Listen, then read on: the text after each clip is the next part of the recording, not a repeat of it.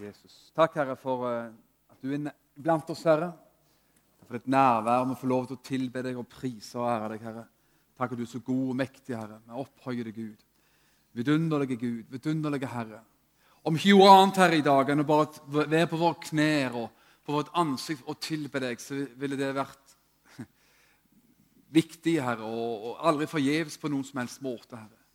Bare be at du gir oss og du hjelper oss, Herre, til å leve et tilbedende liv fullstendig, Herre. Overgitt til deg, i full bøydhet under deg, Herre. I full kjærlighet til deg. Prise deg, Herre, i Jesu navn. Opphøye deg bare. Herre, hjelp meg til, deg, til å dele det jeg har på hjertet, Herre, så jeg tror du har på hjertet. Jeg ber om jeg skal få lov til å tale det sånn som du vil jeg skal tale det, Herre. At det skal være til trøst, oppmuntring, formaning, oppbyggelse, alt som det måtte bety inn i våre liv. I Jesu navn. Amen. Amen. Jeg følte det er han grei, denne her, uh, greia her? Jeg følte han var så uvant. Ja vel. Det var så lenge siden. Det var, det var noe med en bredere skalle som har brukt denne her enn meg. Ikke hvem det kan være. Nei. Godt å se alle, og så mange. Og Jeg skylder å si en veldig stor takk til, til mange folk, altså. For uh, omtanke, forbønn, profetiske tekstmeldinger, sjokolade, besøk Hva mer kan jeg si? Blomster, ja. Boller. Boller med rosiner. Fantastisk. Så hjertelig hjertelig takk, og godt å være her og godt å være tilbake igjen. Jeg skal ikke irritere meg ved den mikrofonen. Jeg bare følte den var annerledes. Men hvis du hører meg, så hører du meg. Ferdig med det. Amen. Ja, jeg, eh, jeg, eh, jeg skal dele forskjellige ting. Um, før jeg skal dele det jeg hadde tenkt å dele, så kom jeg på det at jeg skal si litt fra Jeg var jo i Israel forrige uke. Kom hjem på mandag, sist mandag. Og eh, plutselig så ble det to israelsturer, for jeg var jo en i januar òg. Og eh, så ble det to, da, for at eh, Kjell Halltorp skulle ha med en eh, haug med pastorer på en tur. Og Så maste han mye, og så sa jeg ja til å bli med. Og Det har jeg ikke angra på, da, for det, at det, det er bedre å ha en tur for mye til Israel enn en tur for lite til Israel. Det er bare sånn det er. Jeg har vært der tre ganger i Israel. og, og, og det, er, det, er, jo et land som er veldig fascinerende. Det må bare si. Mer og mer så blir man bare glad i det landet, faktisk. Og Det er jo et land som man kan si mye om, og jeg skal, skal si andre ting òg. Men et land som er blant det mest hypermoderne som fins. Likevel det mest, blant det mest historiske og gamle som fins. I en herlig blanding. Med, nå var det jo vår der, og grønt og fint. og Åtte uh, millioner innbyggere. Jeg lurer på hvor de blitt av disse innbyggerne. altså, for det, Vi så jo så mye jordbrukssletter og, og, alt mulig. Så det er helt utrolig hvordan de har klart på 70, ja, snart nesten 70 år uh, bygge et land fra ingenting, fra en ørken, til å bli noe helt utrolig. Rett og slett helt utrolig. nå var opplegget der å ha en, en type pastorkonferanse der da, med israelske pastorer. Uh, og Kjell vil jo da ha med noen herfra for å liksom skape en form for relasjon og kobling, og kanskje med tanke på samarbeid og greier og greier. Og det, det får vi se på hva, hva, det blir ut av det. Men det, det er uansett veldig, veldig bra å møte altså, eh, kristne, messianske jøder i Israel. Det er jo uh, veldig Så det er ikke bare Dødehavet og Jerusalem og gamlebyen og nybyen og øst- og vestbyen og alt mulig annet som er interessant, er brostein og klagemuren. Men møte de levende steinene også. Og, og eh, det, det, er veldig, veldig fantastisk. Og, um, og møte, De fleste av dem var jo russiske jøder da, som har blitt enten førstegenerasjons innvandrere eller som er barn av noen som innvandrer til Israel, og som var frelst før de kom, eller som blitt frelst. Og Herlig å møte dem og se hva arbeid de står i. Herlig var det også å møte det var På den konferansen det var, ikke, det var rundt litt godt over 20 så var det også par arabiske pastorer. Og det òg er artig. Fordi eh, det er jo over en million, godt over en million eh, arabere i Israel. Og en del, en del altfor få, men noen da, slash en del, er frelst. Og eh, det, det, som bare er interessant, er at det, kristne arabere de sier tydelig at det er bare én trygg plass for oss å bo i Midtøsten. Du eh, vet Mange nordmenn skulle tro at det er sikkert Jordan og Egypt og greier og Libanon, men det er Israel. Du får ikke alltid høre det i nyhetene at, det, at det, det gjelder egentlig muslimer òg. Muslimske arab, arabiske muslimer. De har det bedre i Israel faktisk enn i, enn, enn i arabiske land. Bare se på nyhetene. Men tenk på kristne arabere. Hvor, eh, hva kamp de også har hatt. De er minoritet i minoriteten. Araberne er jo minoritet i Israel, naturligvis. Og inni den minoriteten så finnes det en liten kristen minoritet som, som, eh, som, opplever utfordringer ved det, men som er så tydelig på at, eh, at det landet Israel det tilhører det jødiske folk. Og, og, De er takknemlige for å være en del av det, og være en del av landet og bo der og nyte demokratiske rettigheter og sikkerhet osv. Og, og mange, flere og flere av de også deltar i hæren i Israel. For de innser at det, det, dette landet er en del av oss, vi er en del av dette landet, og vi kjemper på rett side, faktisk. Det var herlig. Så, jeg, så var det artig å møte en av disse pas arabiske pastorene. Han hadde hatt arbeid inne på eh, Vestbredden, såkalte Vestbredden og, for, og hadde undergrunnsmenighet der. Du vet at Vi tenker jo at Vestbredden, eh, araberne der, de er jo moderate, og så er ekstremistene på Gaza. Så enkelt er det ikke, for det er masse IS-flagg som veier på, på full stange på, på Vestbredden. Og, og, Han hadde besøkt en dommer i, på Vestbredden, som, som, den arabiske pastoren, som, hadde, som var dommer for Hamas. Og da dømmer du, så langt jeg kan begripe, jeg har ikke spurt han om det, men antagelig så dømmer du til sharialover med alt det som det medfører. Og Han har vært og vitna for han og sånne ting, da, og så hadde han dratt igjen. Og så hadde denne uh, eh, IS-dommeren, eller Hamas-dommeren hadde, hadde, fått et syn av Jesus seinere. Og hadde sett en stor, hvit skikkelse i rommet som han ble på forskrekka av og redd av òg, for at allerede han opplevd akkurat noe sånt. da. Og Så ringte han da, Mens denne skikken sto foran ham, så ringte han til den arabiske pastoren og sa du må komme, du må komme, du må komme.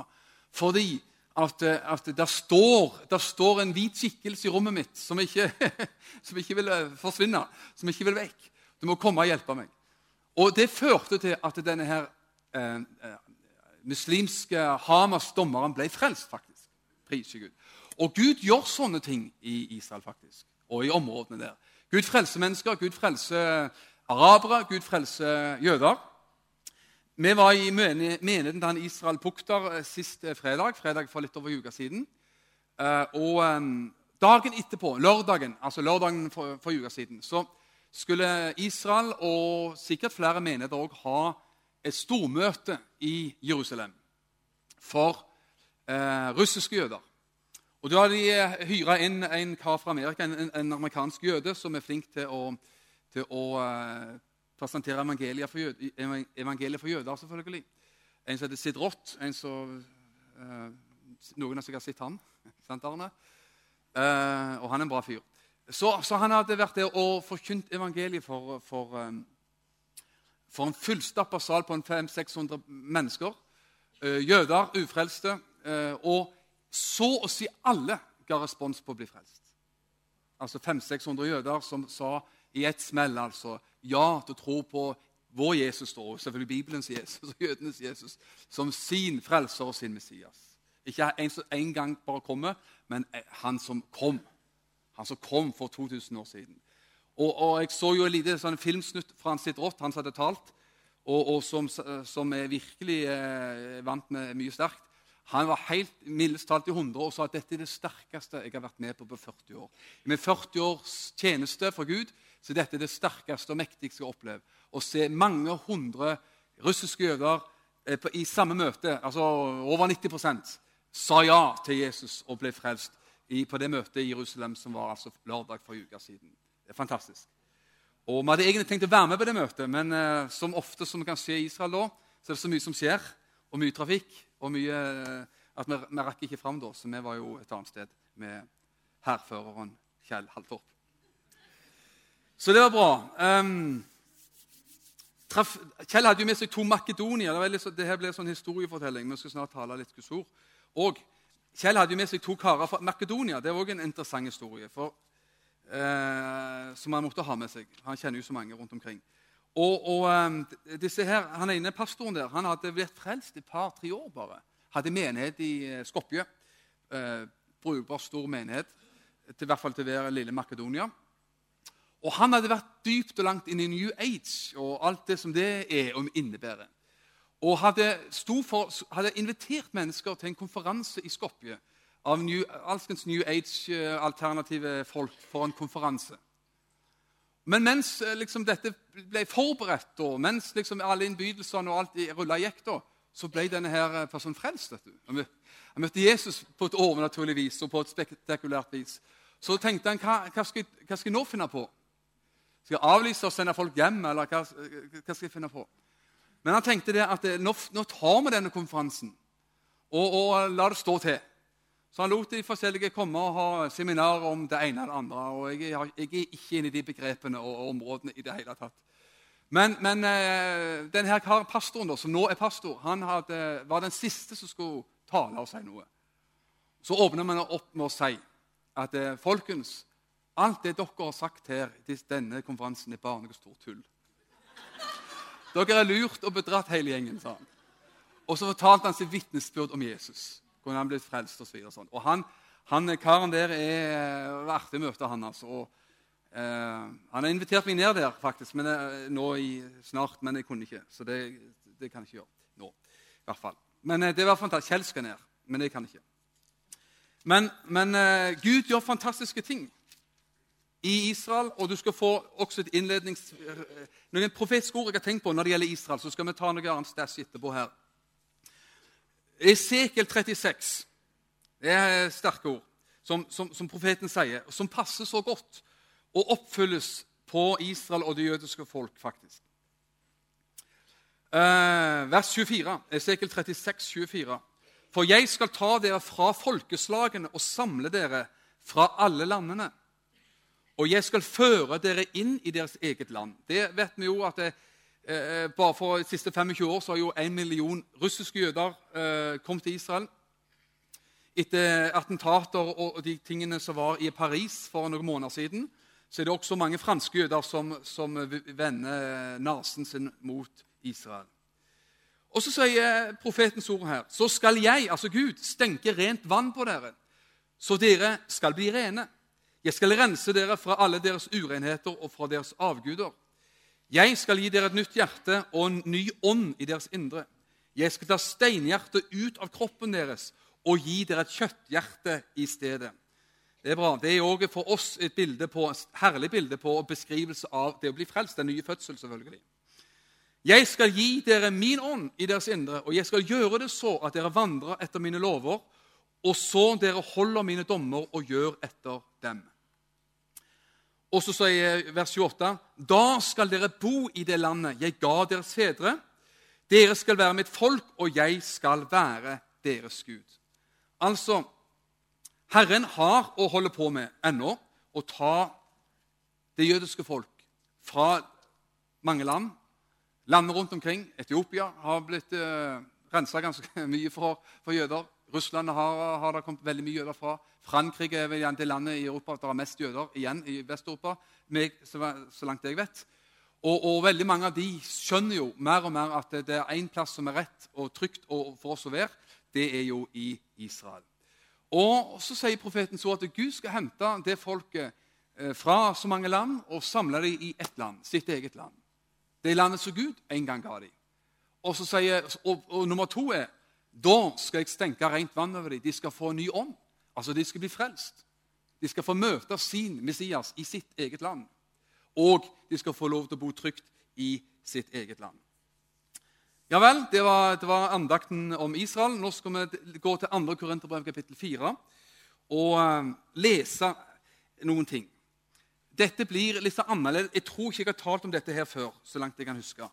Og det blir kanskje litt annerledes, for jeg har egentlig bare lyst til å dele noen vers fra, fra dette kapitlet. Og snakke litt om det, og, og, sånt, så får vi se om det er noe som kan eh, brukes. Så det, Her ble ikke så veldig tematisk, men liksom noen tanker fra 2. Korinterbrev, kapittel 4. Og Vi hopper litt, men jeg skal, jeg skal lese, altså, eh, lese, noen vers litt her og der og skal si hvor det står. 2. Korinterbrev 4, vers 1 og 2 først. Derfor, eh, da vi har denne tjenesten ettersom vi har fått miskunn, så mister vi ikke motet. Men vi har sagt fra oss skammens skjulte gjerninger, og vi vandrer ikke i list. Heller ikke anbefaler, anbefaler, behandler vi Guds ord sikefullt. Men ved å legge sannheten åpent fram anbefaler vi oss selv til hvert menneskes samvittighet for Guds åsyn. Vers 6. For Gud som bød lyset å skinne ut fra mørket, han har latt det skinne i våre hjerter for å la lyset fra kunnskapen om Guds herlighet i Jesu Kristi åsyn skinne fram.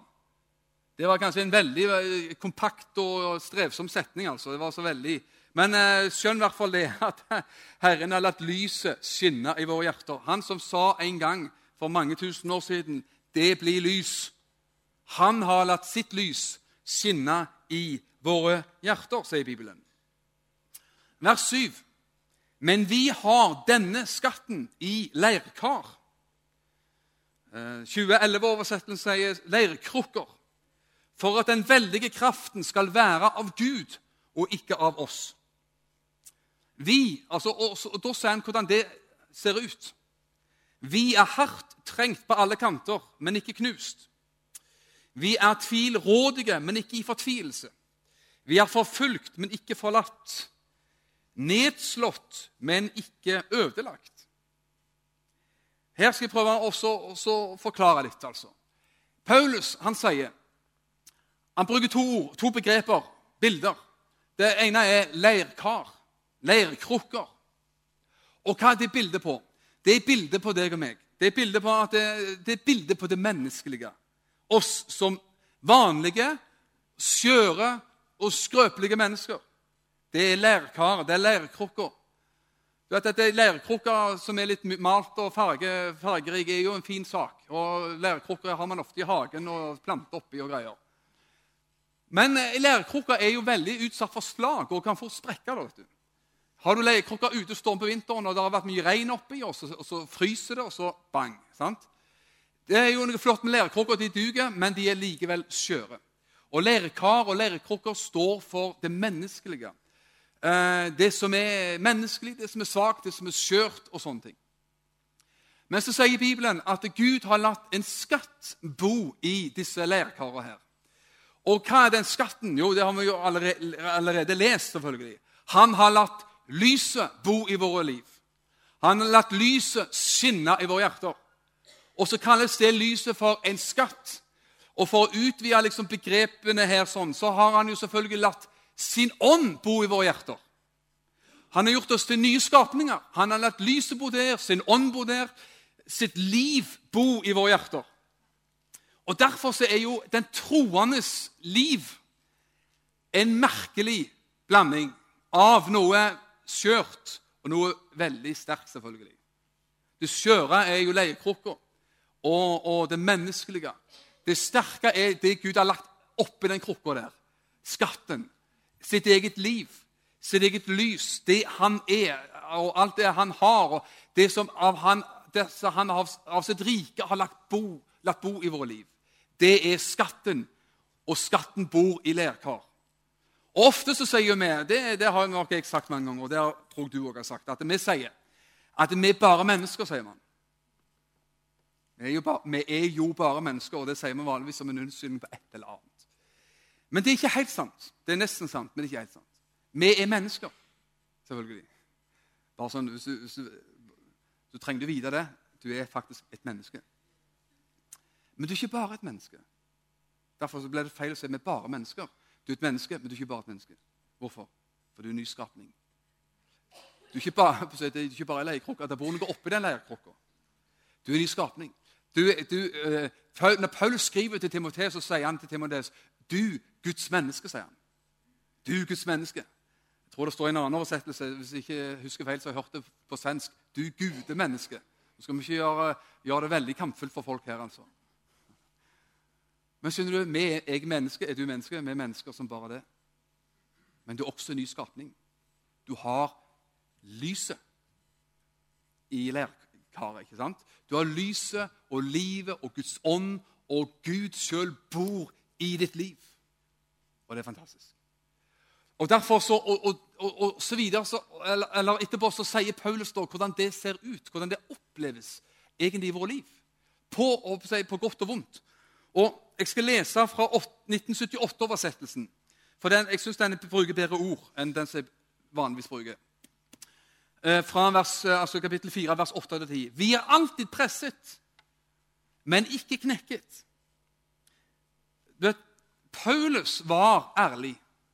Paulus var en ærlig person. Han snakket sant om det å være menneske.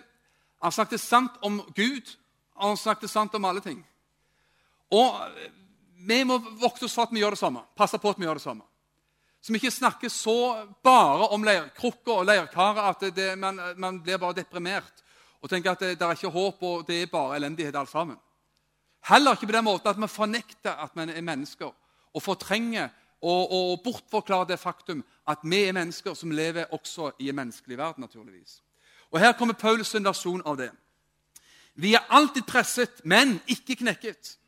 Vi er tvilrådige, men ikke fortvilet. Vi er forfulgt, men ikke forlatt. Slått ned, men ikke slått ut. Det er noe jeg har sett og skjønt, tror jeg. Og, og jeg prøver egentlig å observere ting og, og, og, følge med litt her og der. Og det man ofte ser, hva er det? Finn, vis, meg, vis meg mennesker for eksempel, som er brukt av Gud. Alle oss er brukt av Gud og kan bli brukt av Gud og kan bli mer brukt av Gud. Men vi mennesker som, det, som man legger ekstra merke til. for det, det, det man, ja, Gud gjør usedvanlige ting gjennom mennesker. da. Så er det lett for oss å tenke at det er det har kommet rekende på ei fjøl, eller det er liksom bare to hei. Men ofte så skjønner man ikke at den pris og eh, den, den forfølgelse eller den pris man har betalt, og hva som ligger bakom f.eks. et rikt liv i Gud og en rik tjeneste. Paulus snakker veldig ærlig om det. Og jeg tror også at vi skal aldri personlig eller som menighet være redd for kriser. For kriser kan enten gi oss sammenbrudd eller gjennombrudd. Er du enig i det? Og Det er noe vi bestemmer, egentlig. Det er noe vi må ha som en livsinnstilling og som en vinkling på våre liv. Det at det, Samme hva, samme hva krise, så skal det ikke skape sammenbrudd. Men det skal skape gjennombrudd for enkeltmennesker, for familier, for menighet osv. Nå, nå skal jeg lese sånn som jeg, noe, jeg har skrevet opp på et visst sett her, ut fra det vi har lest. For Paul snakker jo om skatten og lærkaret. ikke sant? Den merkelige kombinasjonen, den merkelige legeringen det er å være en troende person. En merkelig hybrid mellom det å være menneske og det å ha Gud ved innsida. Og da, da skal jeg lese det sånn som jeg har skrevet det ned her. Fordi du og meg er et menneskelig lærekar, så er du kanskje pressa. Men pga. skatten i lærekaret så er du ikke knekket. Fordi du og meg er et menneskelig lærkar, så er vi kanskje tvilrådige. Men pga. skatten i lærkaret så er vi ikke fortvila. Fordi du og meg er et menneskelig lærkar, så er vi kanskje forfulgt. Men pga. skatten som er i lærkaret, som er ikke forlatt. Hvilken vinkel vil du se livet ditt fra? Fordi du og meg er et menneskelig lærkar som er kanskje slått ned. Enten bokstavelig eller av vanskelige omstendigheter. Men pga. skatten som bor i leirkaret, så er du ikke heldigvis slått ut. Det er godt motto, det. Du kan tenke på deg sjøl. Du føler deg kanskje slått ned. Men du kan si 'Halleluja, Herre, jeg er ikke slått ut'. Amen. En brest i lærkaret, kanskje, men jeg er ikke slått ut. For inni lærkaret så fins det en veldig kraft. Og Derfor det, det er også det, det Paulus sa. Vi har fått skatten i lærkar for at den veldige kraften ikke er av oss sjøl, men av Gud. Amen. Det er viktig. Så har jeg lyst til å dele med deg noen få ord. og Nå har vi jo lest litt her bare og, og si, dratt noen vers her, og ikke tatt det så veldig tematisk, men bare eh, hva skal vi si, smatta litt på det vi har eh, talt her. Det er et, et til begrep jeg har lyst til bare å, å, snakke litt om. Og det er, som det står i vers 1. Vers 1 og, og det står flere plasser. Han, Paulus sier Skal jeg lese det, så jeg ikke sier det feil her. Derfor, da vi har denne tjenesten, ettersom vi har fått miskunn så mister vi ikke motet. Står det? Det er fantastisk. Hør en ting. Glem tjenesten akkurat nå. Det står også tjenesten, men det, det, da, da tar den for lang tid. La oss ta den andre parten. Ettersom vi har fått miskunn, så mister vi ikke motet. Er det bra? Eh, kan du leve med det verset, eller går det an? Jeg beundrer Paulus. Paulus var jo helt sprø og rå og fantastisk. Og Det skal du se, Det, det er nesten som at han er, eh, går over, langt over kanten. Men det, det får han svare for sjøl en dag. Miskunn. Bra spørsmål. Der har du igjen disse gammelkristelige ordene som man ikke skjønner. Barmhjertighet, nåde, kjærlighet. Yes, Bra sagt. Bra sport. Vi har fått nåde, fått miskunnhet, vi har fått kjærlighet, fått barmhjertighet av Gud. Og fordi vi har fått barmhjertighet ifra Gud, så mister vi ikke motet. Det var Paulus sitt enkle resonnement. Jeg har lyst til å gi deg noen gode grunner til å ikke miste motet. Er er det noen som noen gang har mista motet? Ja, selvfølgelig. Alle. Hvorfor det? Fordi du er et lærkar. bare sånn by the way. Ja? Fordi at du er lærkar, så vet man hva det vil si å miste motet. Men du vet også at du har en skatt i lærkaren.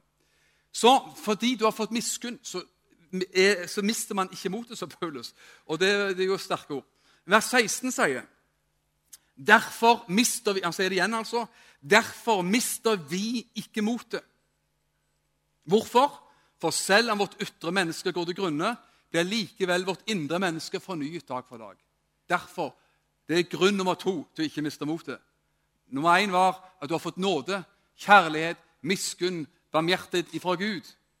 Det er god nok grunn ene og alene til ikke miste motet. Men neste grunn som Paulus nevner her, det er at selv om vårt ytre menneske går til grunne, det er lærkaret, så blir vårt indre menneske, skatten, fornya dag for dag. Og du vet at eh, Vi sitter jo i samme bås, alle mann. Vet du hvorfor? Fordi alle av oss er i ferd med å dø. Er du klar over det? Du er i ferd med å dø, altså. Noen kommer til å dø kanskje om ett år, noen om 20 år, noen om 50 år. Noen, de helt, helt yngste her dør om 60 år, f.eks. Men alle av oss går jo den veien. Alle av oss eh, går til grunne, om du vil. Alle, vårt ytre menneske, i hvert fall når du kommer over liksom, denne alderen der at du blir sprekere, sprekere, friskere, friskere, så kommer du til en, en alder ikke jeg, om det er 30 år eller mer eller mindre, så kjenner du at det, det begynner å bikke og tippe nedover. Du blir, du blir grå i håret. Du, du har ikke den samme kondisjonen som du hadde i din spreke ungdom. Du kommer til et punkt der du ikke klarer så mye som du klarte før. Du er i ferd med å gå til grunne. Enten det tar ett år eller 60 år, så, så er du liksom i, på den skalaen der. Men vårt indre menneske fornyes dag for dag. Paulus sier det er en god grunn til å være godt mot. Ditt indre menneske fornyes dag for dag. Og Det er fantastisk å møte mennesker, eldre mennesker som man merker lever i det der. Jeg får si noen gode ord om Kjell Haltoft, som jeg har, eh, jeg har eh, vært sammen med ei uke. 76 år og er veldig Jeg har jo nevnt han ofte før, for jeg tenker eh, litt på det å ha forbilder. faktisk. Jeg, skal si det, jeg vil våge å si at Gud har talt til meg om det òg, faktisk. Og, og, og um, han brenner. Han elsker Bibelen, elsker bønn, elsker misjon. Og har et stort, stort arsenal av egenproduserte bøker og traktater med seg på tur. På russisk og på jeg vet ikke om det var arabisk, men eh, han har jo til, på mange språk sine 'Veien til Gud'-hefter. Og er overalt til enhver tid for å dele ut. For den brenner for at mennesker skal bli frelst. Han er, han er liksom der. Hans indre fornyes dag for dag. Og Han er ikke, ren, han er ikke så lite sprek heller, sånn sett fysisk, men, men, det er fantastisk å se en person som brenner, som elsker Gud, som, eh, som tror på det samme, som han har tro på alltid, og kjører flat pedal på det. Det er ikke dårlig. Og må si det, den dagen når jeg er 76 år, så vil jeg gjerne være omtrent sånn som Kjell. Prise Gud. Amen. Og til slutt Nei, det er ikke helt, eh, nesten til slutt, men eh, ja så står det jo det, vers, eh, kapittel 5, vers 6 og 7 og 8. neste kapittel, men det er i samme sammenhengen som Paulus sier. Og Derfor så må du få med deg det òg. Jeg tror kanskje det står andre begreper i andre oversettelser. Derfor så bruker vi denne her. Derfor er vi alltid ved godt mot, sier han. Tenk på det. Selv om vi vet at så lenge vi er hjemme i kroppen, er vi borte fra Herren. Han sier, På tross av at vi ennå ikke kom til himmelen, så er vi ved godt mot, sier han. Ja. Vers 8. Vi er da ved godt mot og vil heller flytte bort fra kroppen og være hjemme hos Herren. Så fire ganger her på to kapitler så sier Paulus at 'jeg er ved godt mot'. Jeg er, ved godt mot. Og skal få, en enda, skal du få den skikkelig nesten over kanten eh, forklaringen til Paulus her. I kapittel 4 igjen, vers 17. Jeg vet ikke om du kjenner deg igjen i det. Det er jo ganske vilt, men Paulus hadde dekning for det. For han, Paulus var jo i stadig, stadig, stadig forfølgelse og trengsel. Og så sier han For vår trengsel ja, treng, Kanskje ordet trengsel også trenger liksom å uh, forklares. Trengsel er også sånn, et sånn bibelsk kristelig ord. Trengsel betyr prøvelse. Ja, Kanskje det òg var kristelig ord. Krise. Alle vet hva krise er. Krise. Som jeg kunne egentlig sagt For vår krise, eller motgang, så sier han som er lett, og som bare varer en kort stund. Den er vill. Virker for oss en enda mer overstrømmende og evig fylde av herlighet. Og så ser han etterpå med rette blikket mot usynlige. Sammenligna hvordan kan man våge hvordan kan en person være så frekk og si at vår trengsel, vår krise, vår motgang i livet, den er nummer én lett.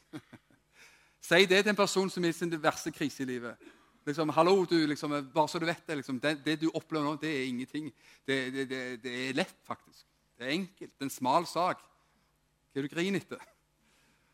Det er lett. Og så ikke bare det, kjære venn, men krisen din varer bare en kort stund. Anbefales ikke alltid å si det. Men sammenhengen til Paulus for det første så han hardt prøvd sjøl. Og nummer to var han sier, han så fram til noe. Det var det som sa han. Det virker for oss en enda større herlighet. Og vet du hva? Faktisk så er også eh, enda større herlighet i, i det hensidige. Amen. Men vet du hva? Også kan vi få nåde fra Gud til at de trengsler og de motganger og de kriser man opplever her og nå i dette livet, kan gjøre at det ikke blir sammenbrudd, men et gjennombrudd. Amen. Der vi får se Gud bare enda større, enda rikere, enda mer. Få oppleve mer av Gud. Gud taler mer. Og vi sier det, Nå blander jeg. Jeg føler ikke jeg har struktur på alt jeg preker om i dag, men jeg, jeg lemper det ut på tvers. Men, og Noe gjentagelser, det vet jeg òg. Men det er et vers, jeg tror det er Jakob 5, 13, som jeg sjøl har eh, i mange mange år trodd på, levd på, hatt som et, ja, et av et langt, stort knippe av favorittskriftsteder. Alle av oss har ett eller mange favorittskriftsteder. Dette er et av de mine. Det står, jeg tror det står i Jakob 5,13. Lider noen iblant dere ondt, skal han be, står det. Ikke det enkelt? Alle kan be. Alle, alle kan be. Alle, alle kan be. Og vet du hva? Det er noe fantastisk. Vi ber i gode dager og vi ber i onde dager. Vi søker Gud i gode dager og i onde dager. Vi tilber Gud i gode dager og onde dager. Men, men det med onde dager er ikke det, det, det er om mulig bare en enda større påskudd til å søke Gud. Og sier, 'Herre, jeg er nødt til å oppleve at du taler til meg.' 'Jeg er nødt til å oppleve at du kommer gjennom til mitt liv.' 'Jeg er nødt til å oppleve at du viser meg og gir meg løfter, ferskt fersk brød fra Bibelen.' 'Fersk vare av løfter ifra Skriften. Jeg er nødt til at du rører mitt liv.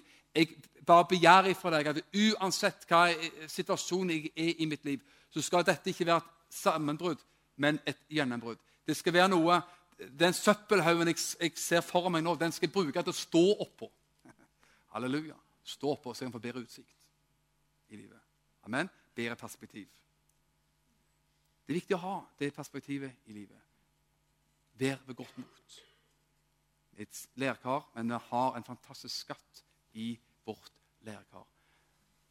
Tror det siste skriftet jeg skal nevne, det er her. Ja, kanskje to. Ja, du vet jo. Nå begynner det igjen. Nå begynner han igjen. Kong David han sa, Salme 27, en av de siste versene i Salme 27, så sier David Han sa jeg hadde mista motet, sa han. Jeg hadde mista motet. Jeg hadde blitt motløs om ikke jeg visste at jeg skulle få se Guds godhet i de levendes land. Tror kanskje en annen oversettelse sier det lettere. At jeg, jeg hadde mista motet om jeg ikke visste at jeg skulle få leve og se Guds godhet. Ja, da, hvis, tenk, på, tenk på mennesker som tror på Gud. Det gjør jo du og meg. Jeg tror på Gud, men jeg er sannelig ikke sikker på om jeg kommer til å se Hans godhet. Ja, Da kan man bli deppa. Da er det nesten lettere å ikke tro på Gud. Men, men, men, men David sa at jeg, jeg hadde mista motet hvis jeg ikke trodde at jeg skulle få lov til å se Guds godhet. Og vet du, Jeg har lyst til å hilse, hilse deg med det og si at jeg, tro på at du og meg og alle du skal få lov til å se Guds godhet. Og Derfor kan du være ved godt mot. Amen. Selv om du er i en venteposisjon av, av å se mer, og venteposisjon av å, av, av, av å se et større gjennombrudd i livet, eller se bønnesvar, eller se en forandring i livet, hva gjør du da? Vær fremdeles ved godt mot. Amen. Halleluja. Vær ved godt mot. Fordi du kommer til å få lov til å se Guds godhet over ditt liv. Jeg håper virkelig at du kan tro det oppsummert, og det er veldig raskt Hvordan skal vi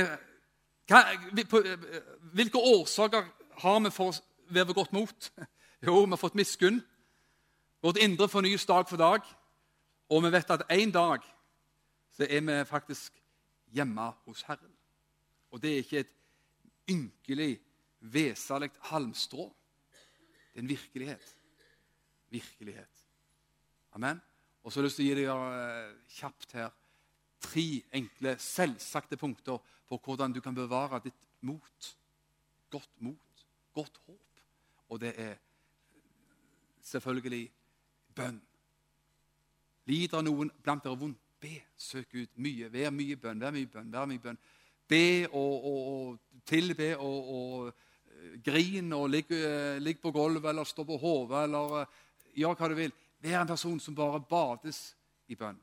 Nummer to søk ferskvareløfter, for å kalle det det, fra den gamle boka som heter Bibelen.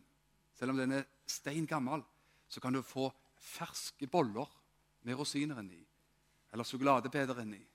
Prise Gud hver enda dag. Kan det? Få ferske løfter fra Bibelen som blir oppdrift i livet. Oppdriftselementer i livet. Og nummer tre selvfølgelig det kristne fellesskapet. Sant? Det kristne fellesskapet. Oi, oi, oi. Hvor utrolig viktig det er. Utrolig viktig det er. Som Paulus Paul, Paulus var ærlig, han, som jeg sa. Han sa at vi er leirkar. Når Paulus var, ble frakta i skip til Rom første gangen og, og skulle stå for keiseren og greier sånn, så var det jo inne mange havner underveis. For det er jo en himla lang seilas, og det var storm, og det var overvintring, og det var alt mulig. Så det er inne mange havner. Så rett før de kom til Rom, en av de siste plassene de var innom, så står det at, og flere plasser de var innom, så kom det folk fra menigheten og møtte Paulus.